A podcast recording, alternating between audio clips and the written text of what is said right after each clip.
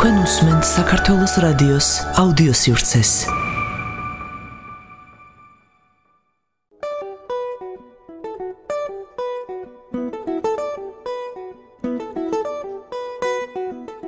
მოგესალმებით. ამ რამოდენიმე დღის წინ ჩავიფიქრე პოდკასტის სერია ქალების თემაზე, რა როლს ასრულებენ ქალები მუსიკაში და ასე შემდეგ. რამდენიმე სხვადასხვა ვერსია ჩავწერე, ბევრ ადამიანთან განვიხილე ეს საკითხი და საბოლოო ჯამში არც ერთი ვერსია არ მომეწონა, იმიტომ რომ ძალიან ბევრ წინააღმდეგობას ვაწყდებოდი, სხვა შორის ისევ და ისევ კაცების მხრიდან, იმიტომ რომ ნაწილი მეუბნებოდა, რომ რა საჭიროა ამ თემაზე საუბარი, როდესაც ბევრად მეტი გამოჩენილი კაცი მუსიკოსი არის, ქალები ამდენი არ არიან, ახლოსაც ვერ მოვლენ და ამაზე მთავრდებოდა საუბარი. ეს არის ფაქტი და ვერაფერს ვერ ვიზავთ. ნაწილი მეუბნებოდა, რომ კი ბატონო, გააკეთე, მაგრამ საერთოდ რა საჭირო არის გენდერულ საკითხებზე საუბარი? დღეს თანამედროვე საზოგადოებაში ვცხოვრობთ, ვიცით მშვენივრად რა არის ქალთა ემანციპაცია, რას ნიშნავს გენდერული თანასწორობა და შესაბამისად დღეს თავისუფლები ხართ, რაც გინდათ ის აკეთეთ, მაგრამ მაინც ვერ აკეთებთ, იმიტომ რომ არ ყავთ ბახის, მოცარტის და ბეთჰოვენის-ნაირი კომპოზიტორები დღესაც. ხო და ყველაზე მთავარი არგუმენტი ისევ და ისევ აქ ის იყო რომ გენდერს არანაირი მნიშვნელობა არ აქვს, თუმცა ქალები მაინც ისეთი კარგები ვერ ხართ მუსიკაში როგორც კაცები. და ხო და საბოლოო ჯამში ორივე მხარე მიმტკიცებდა იმას, რომ გენდერი თითქოს არაფერ შუაში არ არის. არადა როგორ არ არის შუაში, როდესაც მაგალითად ვუყურებთ ქალ დირიჟორს სცენაზე და თუ ამას ღიათ არ გამოხატავთ, გულში მაინც ვფიქრობთ, რომ იცი რა ბიჭი ჯობია. და როგორც კაცი დირიჟორებს და უხელმძღვანელებს სიმფონიურ ორკესტრს, ისე ქალი ვერასდროს ვერ გააკეთებს.